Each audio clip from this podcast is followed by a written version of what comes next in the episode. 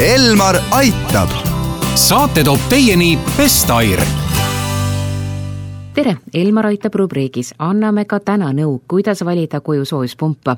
stuudios Annika Õunap ja minuga koos Ramo Loja ettevõttest Best Air. kui eilses saates rääkisime õhk-õhk soojuspumbast, siis täna räägime õhk-vesi ja maasoojuspumbast. millal ühe või teise kasuks otsus langetada?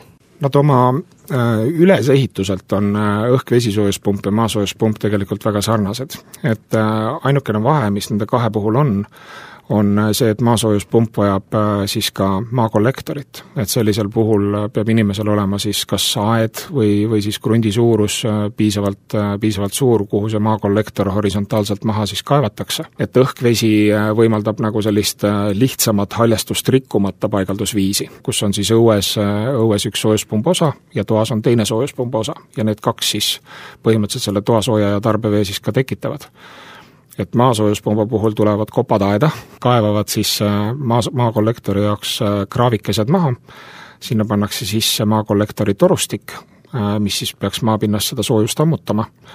Ja pärast aetakse siis kraavid kinni, aga sellisel puhul tekib kliendi, kliendil vajadus haljastuse taastamiseks hiljem, mis võib-olla, võib-olla selliselt kulu mõttes esialgse investeeringuna äh, tihtilugu ei pruugi olla kliendile sobiv kuid hiljem, kas see toob äh, siiski parema kokkuhoiu võrrelduna siis õhk-vesisoojuspumbaga? Äh, püsikuludena küll.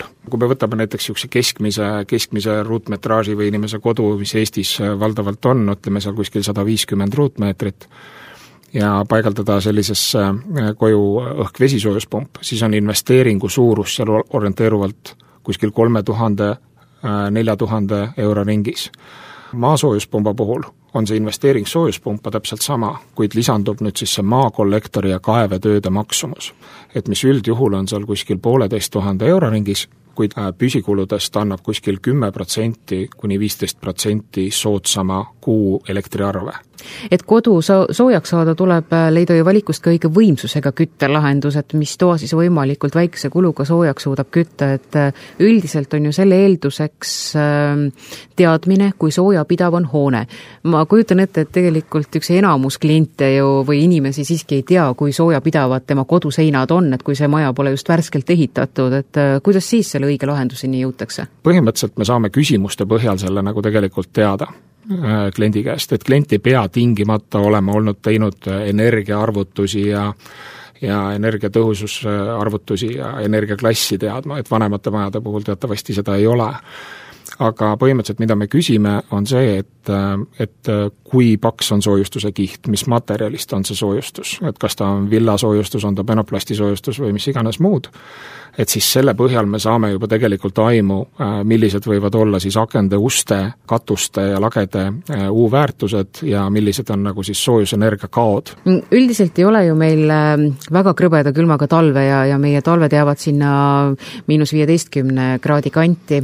et aga mis siis saab, kui ühel päeval need külmakraadid ikkagi äh, lähevad sinna miinus kahekümne kanti, et äh, kas äh, soojuspumbad suudavad tööd teha ka sellise külmaga niimoodi, et inimene ei peaks ennast hulluks maksma? jah, see on äh, väga, väga õige asjakohane küsimus, et et tõepoolest on selline üldjuhul külmemad talved või valdav osa talve jääb sinna miinus viieteist kraadi piiridesse. küll aga kas või möödunud kuu siin näitas, et külm võib tõusta ka miinus kahekümne viie, kahekümne kuue miinuskraadini et äh, Panasonicu õhk vesisoojuspumpadel ja ka maasoojuspumpadel äh, on, äh, on tegelikult võimekus kütta ka miinus kolmekümne viie, miinus neljakümne kraadini mis on Panasonicu õhk-vesisoojuspumpada puhul hästi suur eelis, et kui nüüd just rääkida sellest miinu, miinus viieteistkümnest kraadist, et siis Panasonicu pumbad on Eesti turul ainsad, mis suudavad miinus viieteist kraadini säilitada sada protsenti oma küttevõimsusest. aga nad töötavad soojuspumbana miinus kahekümne kaheksa kraadini aga nüüd, kui lähevad ilmad äh, sealt juba külmemaks, siis äh, on seadmetesse sisse ehitatud ka selline tagavara äh, küttevorm, milleks on siis elektriline küttekeha. Et nüüd, kui tõesti peaks nagu välis, välisõhk nagu muutuma nii madalaks, siis, siis see küttekeha võtab juba siis selle kütmise üle. millised on aga sellised eeltööd, mis peavad olema majaomanikul endalt tehtud enne, kui ta asub mõnda soojuspumpa oma majja siis ehitama? õhk-õhksoojuspumba puhul võiks olla olemas nägemus sellest, et kuhu ta kõigepealt seda üldse soovib. Ta peab teadma seda, et majas peab olema olemas piisav elektrivõimsus soojuspumba jaoks kui piisav see peab olema või kui suur peab olema see kaitse, see on jällegi, et kui ta helistab äh, meie spetsialistile, siis ta juba saab need vastused nagu sealt kohe maid, et tegelikult ei pea väga palju mingeid ettevalmistusi seal tegema. õhk-õhk-soojuspump on äärmiselt lihtne paigaldada, et tavaliselt õhk-õhk-soojuspump paigaldus võtab aega seal kolm-neli tundi ja õhk-vesi-soojuspumpade puhul seal äh, võib-olla päev, kaks suuremate süsteemide puhul aga seda, seda oskab soovitada juba kindlasti meie spetsialist. ja lõpetuseks, kui pikk on soojuspumba eluiga? Õhk-õhk-soojuspumpade puhul on see korrektse hoolduse puhul äh, circa viisteist aastat äh, ja õhk-vesi ning maasoojuspumpade puhul kakskümmend viis aastat. aga selle äh, eluea tagamiseks on loomulikult siis kindlasti vajalik see iga-aastane hooldus. Elmar aitab. saate toob teieni Best Air